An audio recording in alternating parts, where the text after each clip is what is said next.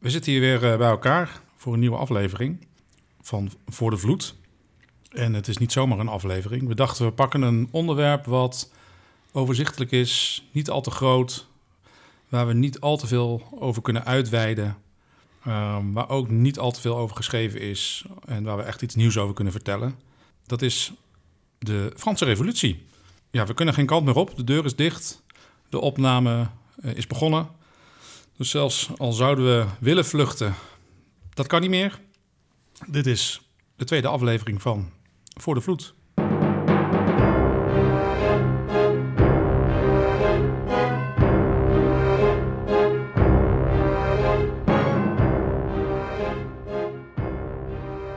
Meindert. Ja, goeiedag uh, Peter. Wat, uh, wat heb je ons aangedaan? Ja, dat vraag ik mezelf sinds een aantal weken ook af. Het is toch wel uh, een aardig onderwerpje wat we zo even bij de hand genomen hebben. Ja, misschien uh, om, om toch eens even een, uh, een, bespiegeling te doen van waarom dit toch een, een toepasselijk onderwerp is. Ja, in episode 1 hebben we natuurlijk aan de hand van het schilderij van John Martin, The Eve of the Deluge, gekeken naar het cultuurkantelpunt wat zich eigenlijk tijdens zijn leven afspeelt. En van daaruit geprobeerd de achtergronden te onderzoeken, te belichten en ook parallellen te trekken naar de tijd van tegenwoordig en naar andere tijdsgevrichten. Een van de, de noties die ook heel duidelijk in het schilderij naar voren komen, is uh, de notie van het catastrofisme. Er staat iets rampzaligs te gebeuren. In de eerste aflevering hebben we al geknipoogd van dat het eigenlijk gaat om een soort van reset. Ja, en wat is er dan een beter onderwerp om mee verder te gaan dan uh, de mother of all resets van de moderne tijd? En namelijk de Franse Revolutie. Frappant is dan ook nog dat de Franse Revolutie zeg maar, zich ontvouwt in het geboortejaar van onze goede vriend John Martin. Nou, dat is geen toeval natuurlijk, hè? dat snap je. En, uh, niets is toevallig hier. En uh, overal zijn associaties te maken. En dat zullen we ook veelvuldig gaan doen, deze aflevering, vermoed ik. Daartoe zijn wij hier. Maar goed, dan is natuurlijk de vraag, waar beginnen we? Het is goed om op een wat logische manier dit onderwerp aan te vliegen. Ja, om, om dan maar even praktisch met de deur in huis te vallen. We hebben weer een, een schilderij gevonden om uh, als kapstok te nemen voor dit onderwerp. Dat is het schilderij geworden van David. De eet op de kaatsbaan. Vertel Peter, hoe kwamen we daar eigenlijk bij? Nou, als je op zoek gaat naar een afbeelding die heel kernachtig de Franse Revolutie weergeeft, dan zijn er een aantal illustraties te noemen. Er zijn namelijk nog veel meer mooie, konische beelden te vinden. Die... plaatje van een rokende Bastille. Hè? Bijvoorbeeld, hè, de, de inval van de Bastille is natuurlijk een tafereel... wat meerdere malen is, uh, is, is, geschilderd en getekend. De dood van Marat in bad ja, is ook een Zelfde schilder overigens. Zelfde schilder, dat klopt. Mooie schilderij. Ook David. Dat is een, is een bekend beeld. Ik, ik denk het lugubere beeld van de onthoofding van Lodewijk XVI... waarin het hoofd nog nadruipend omhoog wordt gehouden... Ik denk dat dat in heel veel geschiedenisboeken ook uh, staat weergegeven. Ja, als een soort van grote apotheose van de Tempeliersvervolging, hè? De Tempeliers uh, was een van de verboden woorden voor deze aflevering, maar het is toch weer gelukt om hem uh, erin te krijgen. De Tempeliers hebben overal mee te maken, Peter. Uiteindelijk ben ik uitgekomen bij een ander schilderij. Inderdaad, je noemde net al de titel, de, de eet op de kaatsbaan door Jacques-Louis David. Dat is een scène wat te maken heeft eigenlijk met de begindagen van de Franse Revolutie. Ja, wat, wat zien we op het schilderij, uh, Peter? Het is een, een, vierkante ruimte. Het is een kaatsbaan. Een, uh, in de, de, Engelse term is de uh, tennis court. Het is een, een, een, luxe gymzaal. In werkelijkheid was het eigenlijk ook echt een gymzaal of, of een sportzaal. De adel uit die tijd hield niet alleen van dansen, van drinken en ander vertier, maar was ook aan het sporten. Het was gebruikelijk dat er dit soort sporthallen ook nabij kastelen en paleizen te vinden waren.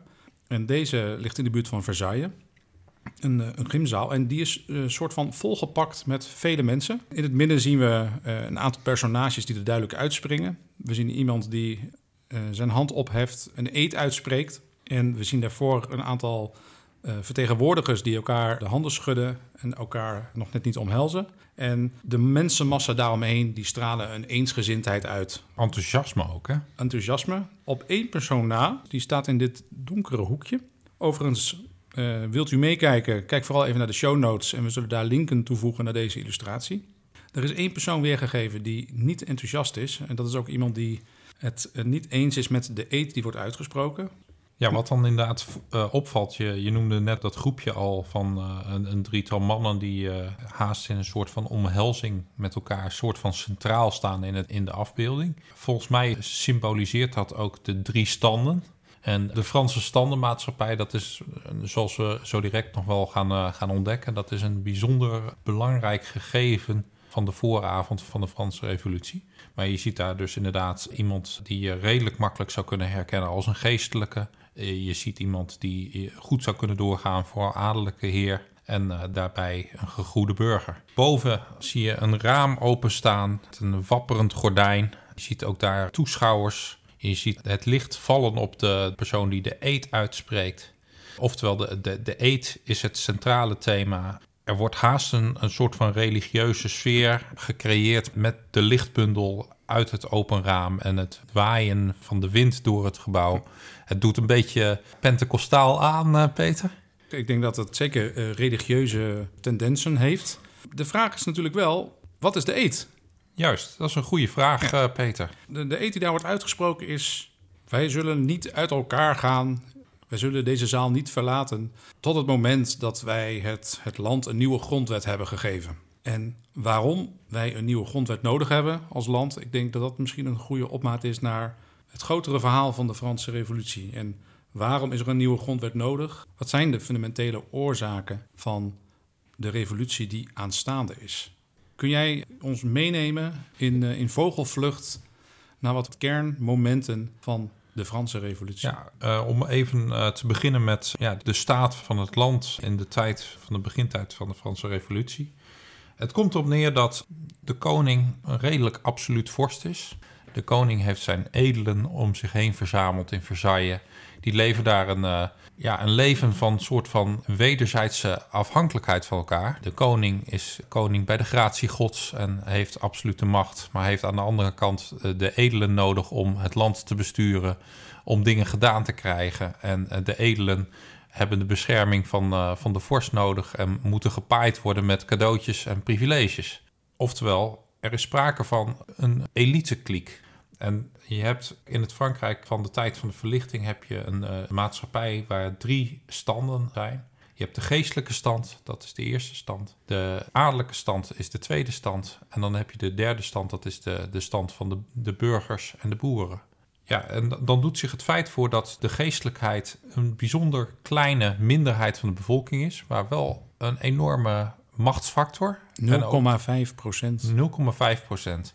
En wel een enorme machtsfactor. Er is groeiende weerzin tegen de, de rijkdom en de, de, de wilderige levensstijl van de hogere geestelijkheid. Ook binnen eigen kring overigens. Het is niet voor niks dat op het schilderij ook een geestelijke staat afgebeeld. Daarnaast heb je dus hè, de adellijke stand. Die heeft ongeveer 2% van de bevolking achter zich. En beide standen zijn dus zeer welvarend, zeer invloedrijk, betalen geen belasting en zijn dus een minieme minderheid van, uh, van het totaal van de bevolking. Volgens mij heb ik ergens gelezen dat het niet was dat ze geen belasting betaalden, maar of zeer weinig, dat sowieso. En dat er ook een probleem was om bij deze personen de belasting te innen. Dat er ook een soort van ambtelijke chaos of wanorde was om überhaupt dit, dat geld binnen te krijgen. Wanorde en misschien ook wel onvermogen of onbereidheid om hè, de, de tegen je in het uh, harnas te jagen. Oftewel, de koning moest het hebben voor wat betreft de staatskas van de derde stand. En de derde stand was dat een beetje beu. Wat, wat waren verder de omstandigheden in, de, in die tijd? Uh, de Franse staatsschuld was uh, razend hard opgelopen. Dus het land was eigenlijk een soort van aan de, aan de rand van de financiële afgrond geraakt. Hoe is dat zo gekomen? Juist, dat is een, een goede vraag. Dat heeft ook te maken met de, de, internationale omstandigheden. Frankrijk heeft een aantal uh, dure oorlogen achter de rug. De Zevenjarige Oorlog, de Amerikaanse Onafhankelijkheidsoorlog. Heeft ook een uh, koninklijk apparaat wat bijzonder geldverslindend is. En daarnaast is er door, door misoogsten en, en natuurgeweld al een paar jaar zeg maar, niet fatsoenlijk geoogst. Er zijn tekorten. Het volk heeft honger. Ik las ergens dat er een vulkaanuitbarsting was was het IJsland? Was ik dacht het... IJsland inderdaad, ja. En die zorgde voor slechte weersomstandigheden. En die slechte weersomstandigheden zorgden weer voor slechte oogsten. Ja, dat is dus uh, de achtergrond van het verhaal. En dat, dat zorgt voor een koning die een beetje met zijn handen in het haar zit. Omdat hij uh, het gat in, zijn begroting, in zijn schatkist moet dichten. Het zorgt voor een ontevreden burgerbevolking. En die in de jaren in de aanloop naar 1789 heb je dus ook al her en der boerenopstanden en opstootjes. Vanwege het feit dat het, het volk gewoon ja, het ook niet meer weet hè, hoe het allemaal verder moet. En de koning uh, besluit dan op een gegeven moment dus inderdaad tot het lumineuze plan om dan maar de Staten-Generaal bij elkaar te roepen. Goed, dat is zeg maar wat er qua stukje achtergrond, qua bevolking, qua standen en economie aan de hand was. Verder heb je natuurlijk ook als dieper liggend cultureel en maatschappelijk fenomeen dat, dat de geest van de verlichting een beetje aan het doorbreken is. Vrijheid, gelijkheid en broederschap. Maar ook in die zin een, een wat meer rationele kijk naar de, de wereld om ons heen. En de natuurwetenschappen die worden eigenlijk steeds verder uitgekristalliseerd. En ook de, eh, op, op politiek-filosofisch gebied gebeurt er veel. Ik noemde net al de Amerikaanse Vrijheidsoorlog. Ja. Daar heeft natuurlijk ook een revolutie plaatsgevonden. Ja. Die zal geheid ook zijn overgewaaid. Ik, ik denk inderdaad dat, dat mensen daar, zich daar ook heel bewust van waren. Van hé, hey, daar gebeurt iets. Daar wordt getornd aan de eh, de goddelijke orde, om het zo maar eens te zeggen, le droit divin, het goddelijke recht van de koning om uh, de heerschappij te hebben. En dat past ook heel goed in de, inderdaad in dat verlichtingsdenken, waar een meer egalitaire samenleving gebaseerd op uh, merites en niet op geboorte of afkomst leidend zijn voor wat een mens kan bereiken in het leven. Zou je kunnen zeggen dat het een success story is van de andere kant van de plas? Wat inspireert, wat mensen misschien doet aanzetten tot actie in eigen land? Misschien wel. Ik denk dat, uh, dat je ook gewoon wel in de gaten moet houden dat dingen ook gewoon op een gegeven moment een soort van toevallig bij elkaar komen. Of misschien niet toevallig, maar dat het een, een soort van sneeuwbal van gebeurtenissen is geweest die op een gegeven moment hiertoe heeft geleid. Hè? Want uiteindelijk, ik denk dat er geen krachtiger kracht in een samenleving zit dan het, de onvrede van het volk. En het volk had reden om gebrek aan vrede te ervaren. Die hadden gewoon honger. Maar toch, voordat het volk in brede zin van het woord uh, zich ermee gaat bemoeien, lijkt het in eerste instantie toch een aangelegenheid tussen de koning en de adel. En de intellectuele burgerij wellicht. Juist, de, wat, de wat hogere burgerij van de derde stand. Ja, precies. Dat is ook eigenlijk een, een quote die je meer tegenkomt. Hè. De, de revolutie is begonnen door de edelen en uh, is afgemaakt door het volk. Nou ja, dat is zonder meer ook waar. Hè. Een persoon als uh, de Marquis de Mirabeau was ook een leidende, gematigd revolutionair. Hij wordt ook wel gekarakteriseerd als de enige man die mogelijkerwijs de monarchie in Frankrijk had kunnen redden. Met enige goede wil zou je hem kunnen herkennen als de, de adellijke persoon en het driemanschap op de voorgrond van het schilderij. Dan zie je dus inderdaad dat er sprake is van staatsschuld, honger en ongenoegen, een maatschappelijke ongelijkheid van de standen en een, een filosofie die uh, meer gericht is op gelijkwaardigheid. Over gelijkwaardigheid gesproken. Voordat we in wat zeven mijls laars stappen door de revolutie heen gaan, is het misschien wel leuk om even te noemen hoe komen deze 500 mensen in deze, uh, op deze kaatsbaan terecht. Dat heeft een bepaalde aanleiding. Um, zoals al gezegd, hè, uh, het, uh, de koning weet, weet niet hoe hij uit zijn financiële debakel moet komen. Populaire bankier slash minister van Financiën Neckar uh, is uh, net de laan uitgestuurd, geloof ik. En de koning besluit dan maar om de Staten-Generaal bij elkaar te roepen. Had hij ergens van zijn grootouders uh, vernomen dat, dat dat ooit gewerkt zou kunnen hebben. Ja, even zonder dolle, die was dus sinds 1614 die al niet meer bijeen geweest. En daarin zijn traditioneel vertegenwoordigd de drie standen. En de drie standen hebben traditioneel gezien één enkele stem. Even voor de duidelijkheid, hè? die 0,5 procent die de geestelijkheid vertegenwoordigt in de, de Franse samenleving, heeft één stem. De anderhalf tot 2 procent van de adel heeft één stem.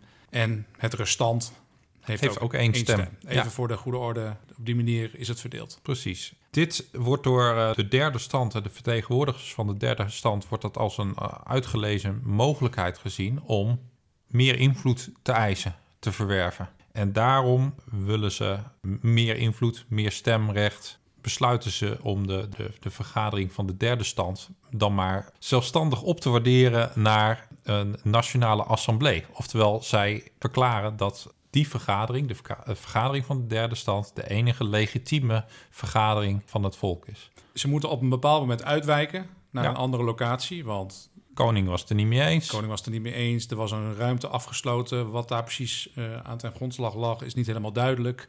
Wie daarvoor verantwoordelijk was, ook niet. Maar er is nog een kaatsbaan vrij. Ze gaan daarheen met z'n allen. Er is een, een, een sfeer van opstandigheid, denk ik. De, de, misschien hangt de revolutie al een beetje in de lucht. Ja, en dan krijg je dus inderdaad dat eh, de mensen verzameld in de, eh, op de kaatsbaan plechtig zweren deze vergadering niet te beëindigen voordat er een nieuwe grondwet is. Nou, die gaat er ook komen, eh, maar dat is toekomstmuziek. Op dat moment is het in ieder geval duidelijk dat de koning de regie totaal kwijt is. En dat eigenlijk door nou, dit begin van de revolutie, en het is nog relatief vredig verloopt het allemaal, maar het, eh, de, de geest is uit de fles. En dan krijg je dus ook dat de koning in eerste instantie denkt van we willen gewapend gaan ingrijpen. En, da- en dan komt Marquis de Mi- Mirabeau komt dan eh, ook naar voren en eigenlijk geeft hij aan van ja, je kunt met geweld ingrijpen, maar deze mensen gaan niet opzij voor musketten. Oftewel, je zult ons allemaal moeten doodschieten, wil je dit de kop indrukken. Nou, dat gebeurt ook niet. Maar de tocht van soldaten richting de hoofdstad zorgt voor onrust.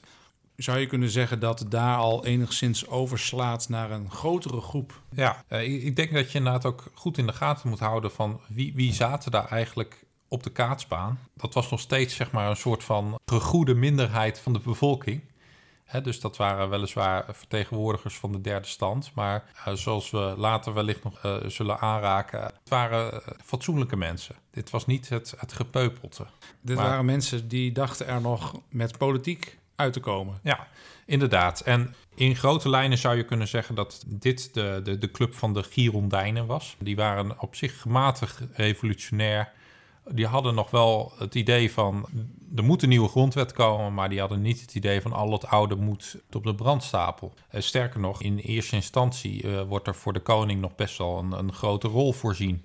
Dus eh, de koning blijft de, de uitvoerende macht hanteren, zou ook een vetorecht krijgen. Maar goed, dat gebeurt op de, de 20 juni. Ik denk dat op politiek vlak er heel veel gebeurt op dat moment. We kunnen bijna de actualiteit niet, niet meer bijhouden. Misschien is het goed om nu de stap te maken naar Parijs. Ja. Waar, waar andere dingen gebeuren. Misschien op straat. Precies, eh, nou, er hangt dus onrust in de lucht. Ook gewoon, ja, laten we gewoon concreet zeggen, honger en, eh, en onvrede. En het volk komt in opstand en eh, maakt een partij musketten op het stadhuis buiten. En komt dan tot, tot de conclusie dat, dat er op het stadhuis niet echt veel buskruid en dergelijke ligt. En die weten dat er in de Bastille, wat ook een soort van gehaat symbool van het regime was, dat daar eh, een, een grote voorraad ligt opgeslagen. De notie overigens dat ze naar de Bastille optrokken om daar revolutionairen met geweld vrij te krijgen, dat is een fabeltje. Er waren op dat moment ongeveer vijf, zes gevangenen aanwezig. Zeven om precies Zeven. te zijn. En dat waren ook nog niet zozeer politieke gevangenen als wel eh, random gevangenen. Voor een deel ook gevangenen die door hun familie gevangen waren gezet. Het volk gaat op de Bastille af. Er wordt heen en weer wat geschoten. De, de gouverneur was in eerste instantie niet van plan om de Bastille op te geven. Maar moet uiteindelijk toch eh, buigen voor de, de meerderheid die er voor de poort staat. Er schijnen hele wetenschappelijke discussies plaats te vinden. Wat is nou de importantie van de bestorming van de Bastille Ja. in relatie tot de gehele revolutie? Ik, ik denk dat dat een hele goede vraag is. Want in de afgelopen week heb ik natuurlijk ook wel her en der wat gelezen. En eigenlijk ontging het me van waarom het inderdaad zo belangrijk is geworden. Want natuurlijk, het, het, is een mooi symbool. Hè? Net zoals wat, wat wij in Utrecht hebben met het afbreken van het Vredeburg. Dat staat natuurlijk symbool voor het, het afbreken van, eh, van de soevereine macht van de overheerser, van de vorst. Maar los daarvan, op tactisch gebied hebben ze natuurlijk wat buskruid naar binnen gehaald. Het is een, eh, nogal eh, een stukje gezichtsverlies voor de machthebbers. Maar er is daar feitelijk niks strategisch gewonnen. Een historicus die zei dat eh, evenement zelf stelde eigenlijk niet zoveel voor in het geheel. Maar dat het later, in, in de jaren daarna, in de periode daarna, misschien in de decennia daarna, wel zo belangrijk gemaakt is. Eén of twee jaar later werd, het, werd de bestorming van de Bastille al nagespeeld als ceremonie of als ritueel. Ja, Om het te herdenken. Dus blijkbaar heeft het een eigen dynamiek gekregen, dat, die gebeurtenis. het, het staat symbool voor de revolutie. Nou goed, wat, wat ge- gebeurt er vervolgens? De assemblee begint vervolgens eh, te, te hakken in, eh, in de oude wetgeving en eh, schaft een heleboel feodale privileges en rechten af. En komt dan inderdaad ook met de verklaring van de rechten van de mens en de burger. Wat eigenlijk wel mag worden gezien als een soort van nieuwe grondwet. De verklaring van de mens en de burger wordt dus opgesteld, waarbij eigenlijk de machtsverhouding wordt omgedraaid. Hè. Niet de, de vorst is soeverein bij de gratie gods, maar het volk is soeverein. En in principe is er sprake van gelijkwaardigheid. Ieder wordt gelijkwaardig geboren. Dat leidt ook tot dat de katholieke kerk haar privilege als uh, rijksgodsdienst zal moeten opgeven. Dat andere godsdiensten, dat er ruimte voor, voor zal moeten zijn. En dat er ook een, eh, een eerlijker belastingstelsel komt. Dus dat zijn belangrijke onderdelen van die verklaring. Je zou zeggen, eind goed, al goed. Dit is een mooi einde van dit verhaal. Ja. Hè? Mooi einde van de podcast. Ze hebben bereikt wat ze wilden bereiken. Precies. Het volk is tevreden. Maar Waar het niet dat er nog honger wordt geleden. Klein detail. Klein detail, inderdaad. En dan, dan zie je dus uh, later in het jaar dat er een, uh, een menigte vrouwen vanuit Parijs... en dan heb je het dus over, nou ja, dus niet de, de gegoede burgers... maar echt de, het volk dat honger lijdt... Daarvan trekt er een stoet vrouwen op naar Versailles. De koninklijke familie schrikt zich een hoedje, want dat was toch niet uh, wat ze hadden bedacht. Dat, uh, dat het volk ook gewoon letterlijk aan de deur uh, ging komen om hun brood op te eisen. Die vlucht dus naar Parijs zelf, komt daar onder huisarrest te staan. Het is eigenlijk een sneeuwbal, hè? dus vanaf hier gaat het best wel hard door. Dat alle bezittingen van de kerk onteigend worden, aan het rijk gaan vervallen. Dat priesters ook trouwen aan de constitutie moeten bezweren. En dus eigenlijk zeg maar de, de suprematie van de kerk over de, de wereldlijke macht, dat ook dat op de schop gaat. De zomer van 1791 proberen Lodewijk XVI en Marie Antoinette te vluchten. En die worden dan ook echt stevig gevangen gezet. En in hetzelfde jaar wordt ook de grondwet goedgekeurd. Maar Ondertussen zie je dus dat in die assemblee polarisatie plaatsvindt. Dat de gematigde groep van de, van de Girondijnen, die heeft weliswaar de boel in gang gezet. Maar er zijn mensen die het lang niet ver genoeg vinden gaan. En er zijn dus ook veel radicalere groepen die invloed krijgen in de assemblee. En dan krijg je dus op een gegeven moment dat je de volgende fase krijgt. Comité's worden opgericht die ook machtsfactoren worden, die eigenlijk de macht gaan uitoefenen. En Kun jij een aantal namen noemen van mensen die eruit springen in die fase van de revolutie? Ja. ja. dat is de journalist, publicist Marat. We noemden hem net al even. Ja, die man die had een ongelooflijk aanzienlijke invloed op het volk. Hij had zijn eigen uh, dagblad, L'Ami du Peuple. Wat ik overigens een zeer omineuze naam vind. Als je het hebt over populistische volksmennerijen. Op een of andere manier komt er altijd een volksverheffend blaadje bij kijken. Of het nu de volkerische beobachter is of uh, l'ami du peuple, één pot nat. Er waren trouwens honderden kranten in die periode, in alleen Parijs al. Het was ook niet de enige krant die blijkbaar invloed had. Maar deze Marat had dus wel de tekenen destijds goed uh, begrepen en uh, had ook een, een, stevige invloed op de burger met zijn essays, met zijn pamfletten en met zijn dagblad een andere persoon, en, dat zou je eigenlijk wel een soort van de, de architect van uh, de regering in deze fase van de revolutie kunnen noemen, dat is uh, Robespierre.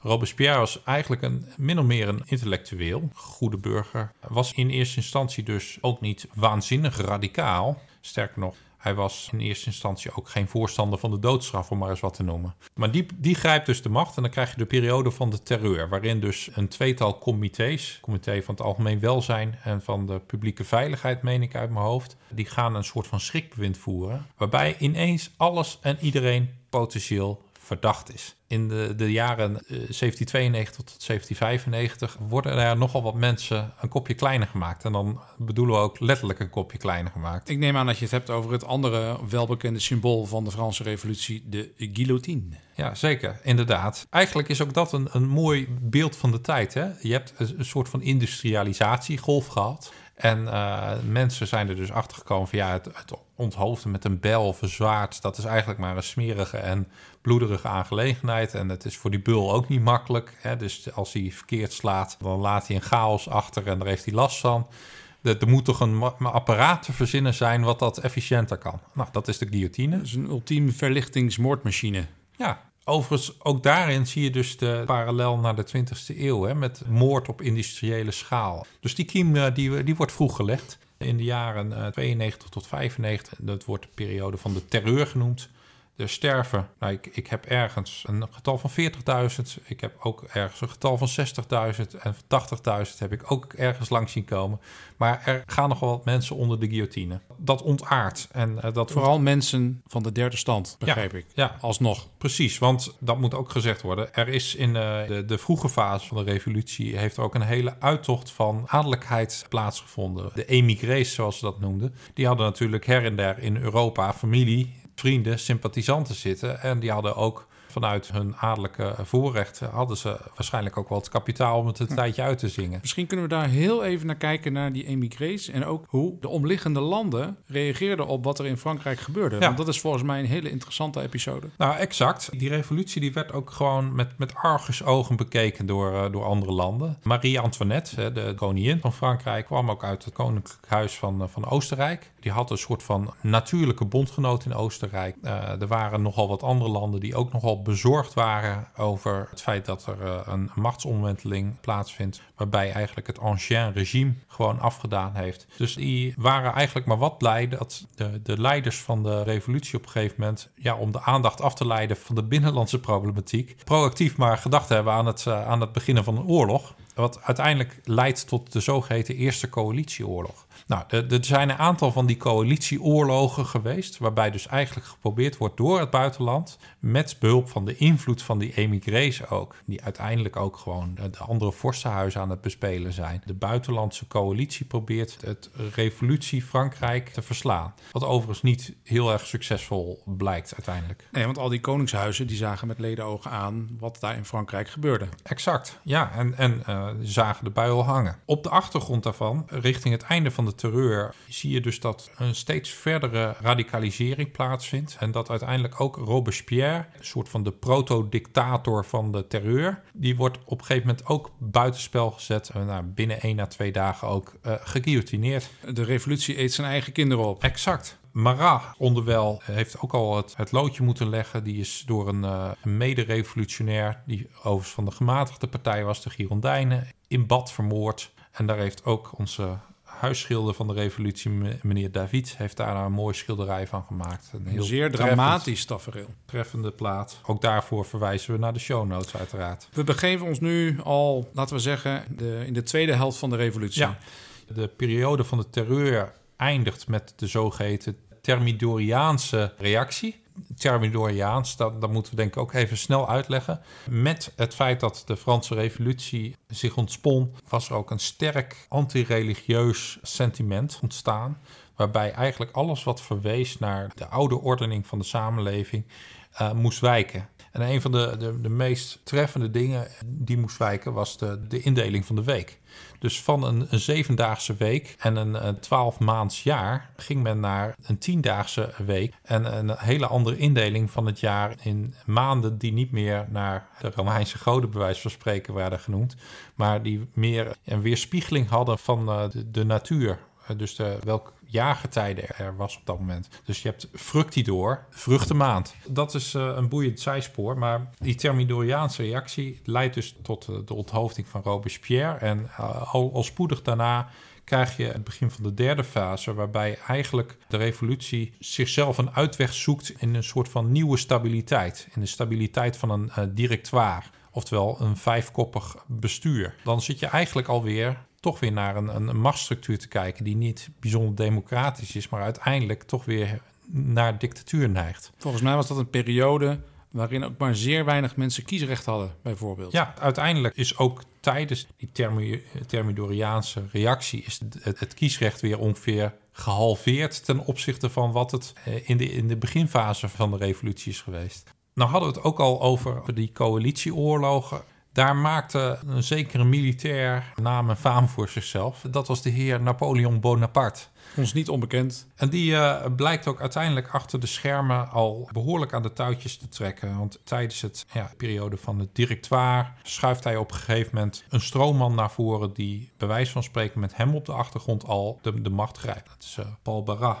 Dat duurt dan tot 1799 en dan vindt Napoleon, die, uh, die heeft dan voldoende vertrouwen opgedaan om uh, de macht ook maar openlijk naar zich toe te trekken. En die wordt daarmee consul van Frankrijk. En dat mondt dan nog wat later uit in uh, de, het uitroepen van het Franse Empire. Wat mij een schitterend einde lijkt van deze snelle vogelvlucht door de geschiedenis van de Franse Revolutie. Ja, nou wat valt ons dan verder op, uh, Peter? Nou, ten eerste de, de hoge dichtheid aan informatie, gebeurtenissen, evenementen, invloedrijke personen. Het is, het is echt een weerwar uh, van heb ik jou daar. Het is een, uh, een, een, een, veelkoppig monster. Een, een, stuk geschiedenis met een, met een dichtheid die ik zelden heb gezien. En, en dat geeft misschien ook wel aan hoe belangrijk dat moment is geweest. Ik, ik heb soms het gevoel dat het een soort van trechter is. Hè? Er gebeuren heel veel dingen in de periode daarvoor. Mm -hmm. En die komen allemaal samen daar in Parijs en omstreken. Vervolgens heeft het ook weer heel veel invloed in andere regionen en gebieden en landen in de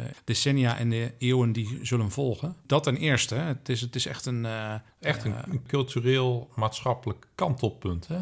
Eigenlijk, nou ja, daar, daar, hadden we het natuurlijk in de, de eerste episode ook alweer over. Van, dit is precies het soort tijdsgevricht waar we in zitten en wat ons ook bijzonder boeit. En wat je ziet is inderdaad het ancien regime, de oude machtsstructuren die hebben afgedaan. Dus je hebt geen absolute vorst meer. De kerk is feitelijk al haar invloed kwijt, al haar geld kwijt. Er worden alternatieve religies verzonnen met de cultus van de reden als atheïstische religie die vanuit de revolutie uh, en de, de revolutionairen uh, wordt gepropageerd. Waarbij uh, David en Marat eigenlijk ja, zeg maar de, de nieuwe leidende religieus voormannen zijn ook. En Robespierre, die vindt de afschaffing van, van de godheid, vindt hij dan op een bepaalde manier te ver gaan. Of het komt hem niet goed uit. Ik bedoel, ik denk dat, dat we ook heel uh, bruut pragmatisch hiernaar moeten kijken.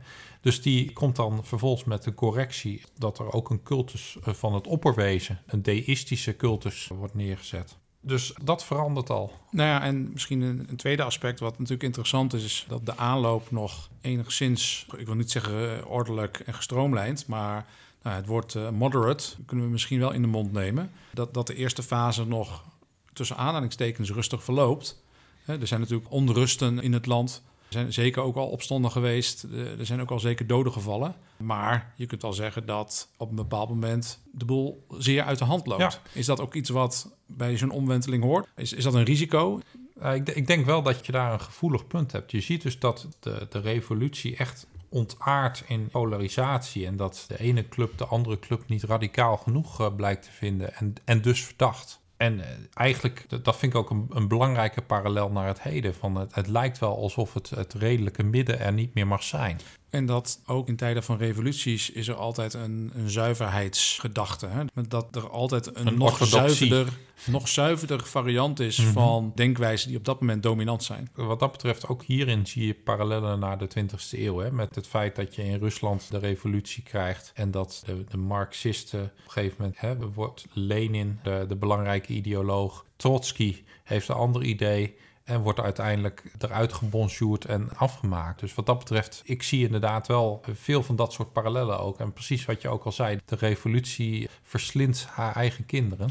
En toch zou je kunnen zeggen dat in de lange periode daarna, de eeuw daarna, ontstaat er wel een bepaalde staatsvorm die zich ook in andere landen gaat manifesteren. Met andere woorden, als we terugkijken vanuit nu, vanuit het heden, naar de Franse Revolutie, zien we daar wel de, de, de kiem of het begin van misschien een nieuwe Een politiek. nieuwe staatsvorm. Een nieuwe staatsvorm. Met ups en downs heeft zich, dat ont, uh, heeft zich dat ontwikkeld. Maar vaak wordt wel naar de Franse Revolutie gewezen als het begin van een nieuwe maatschappelijke orde. Ja. Ondanks die excessen die toen de tijd hebben plaatsgevonden. Ja, en, en inderdaad. Dat, dat vind ik trouwens ook nog een, uh, een merkwaardig verschijnsel... van dat daar zo glorieus over wordt gedacht. Terwijl het in feite een, best een smerige aangelegenheid is geweest. Ook met, laten we maar zeggen, een heleboel wederrechtelijke uh, executies. Misschien ook goed om... Want je noemde net het aantal doden die gevallen zijn... Mm -hmm. door de vele executies uh, met de guillotine. Hè. De, vaak wordt ook die guillotine als symbool gezien... en wordt ook vaak, daar wordt ook vaak over verteld... Hè, als het gaat over de vrede excessen van de Franse revolutie.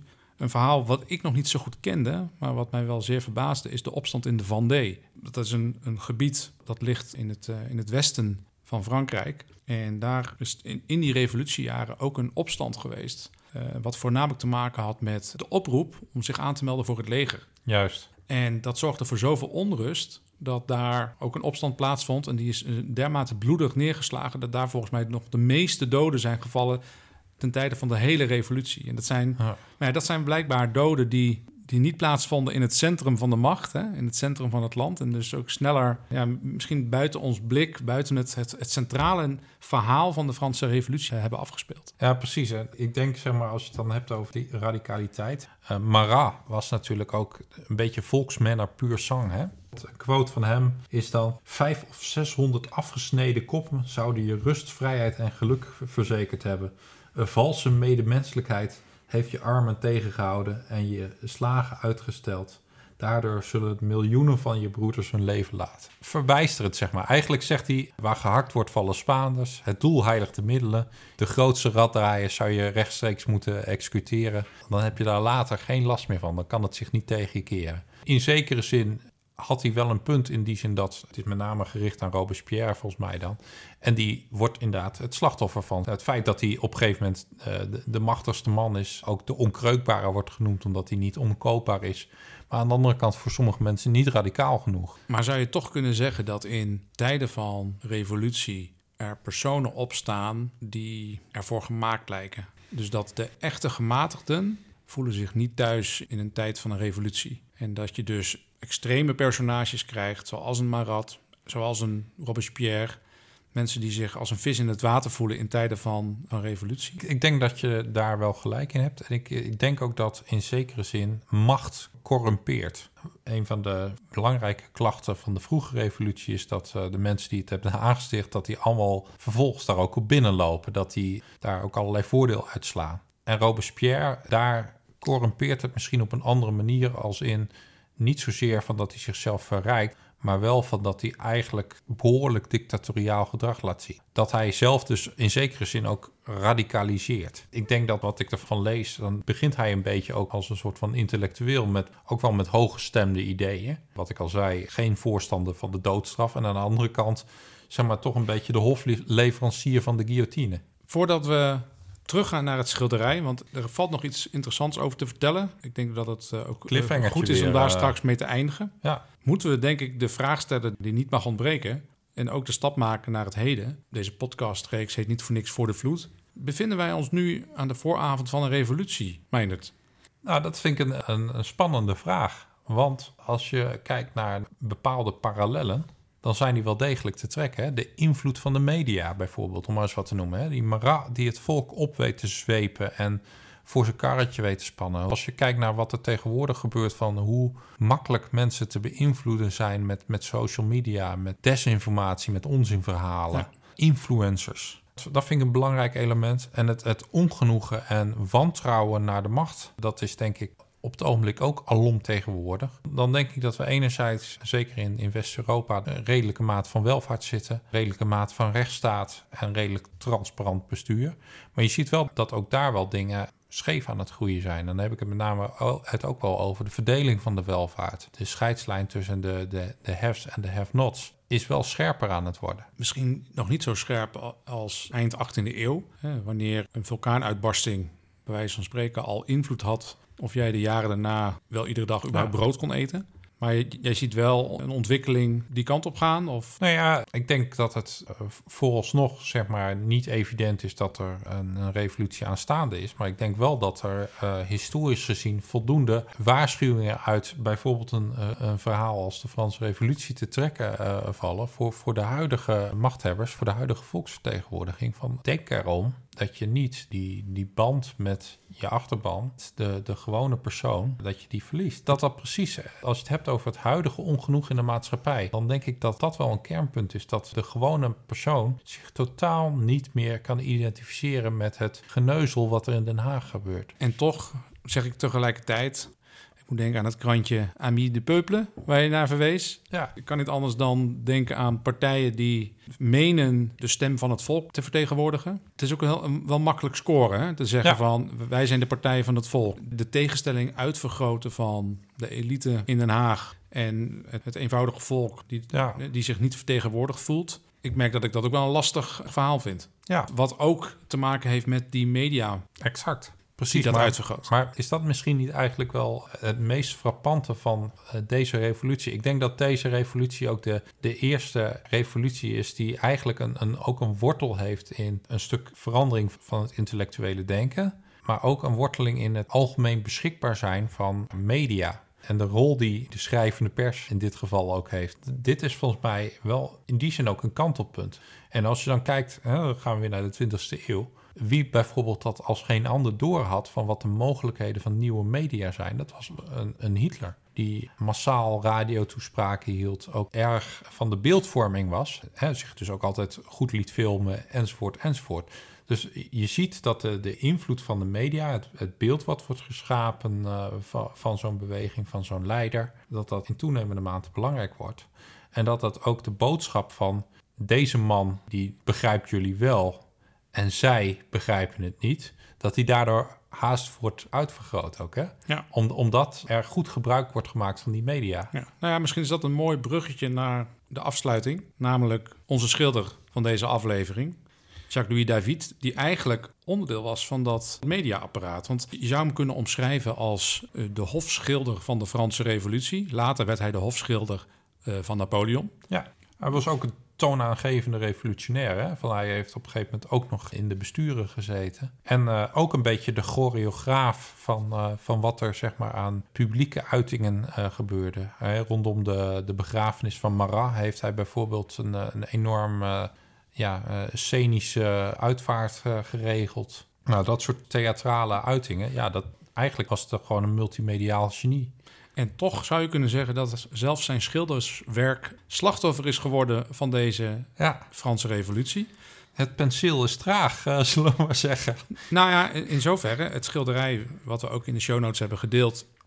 Eigenlijk is dat een later werk, een bewerking van een tekening die hij heeft gemaakt van deze scène, de eet op de kaatsbaan. Het origineel is namelijk nooit afgeschilderd. En waarom de... is dat eigenlijk, uh, Peter? Eigenlijk heeft dat te maken met ten eerste, hij was een drukke politicus. Hij had wel andere dingen aan zijn hoofd in die uh, turbulente jaren. Wat misschien nog belangrijker is, is dat hij de mensen die op het schilderij zijn afgebeeld ook realistisch wilde weergeven. Vaak werden deze mensen uitgenodigd voor een voorstudie en vervolgens werden ze ook daadwerkelijk op het echte doek gezet. Maar ja, sommige mensen waren er misschien niet meer. Een aantal andere personen uh, aanmerkelijk uh, gekrompen in uh, de tussentijd. Hè? Misschien dat ze hun hoofd in één keer niet meer hadden. Dat zou ja. prima kunnen. Maar misschien dat ze ook in één keer aan de, aan de verkeerde kant van de strijd stonden. Ja. Waardoor de mensen die inderdaad daar aanwezig waren op de kaatsbaan niet meer konden worden geschilderd. Omdat ze nou, niet, niet meer bereikbaar waren. Of eigenlijk niet meer salonveeg waren. Of persona non grata. Ja. Oftewel, dit hele project van dit schilderij werd weggestopt. Hij rolde het schilderij op. Het werd gedeponeerd in de archieven van het Louvre. En pas veel later uh, is het daar weer teruggevonden. Wie nu naar de kaatsbaan gaat, want dat kan nog steeds als je uh, naar Versailles gaat en je gaat een rondleiding nemen, kun je nog steeds deze kaatsbaan bezoeken. En dan zul je dit schilderij heel groot aan de wand zien hangen. Dat is een 19e eeuwse, eind 19e eeuwse reproductie van het schilderij. Toen ja, dit beeld weer iconisch werd en ja. eigenlijk weer opnieuw werd gewaardeerd. Wat is het origineel dan? Wat, uh, wat is het lot daarvan? Het origineel is in drieën gesneden.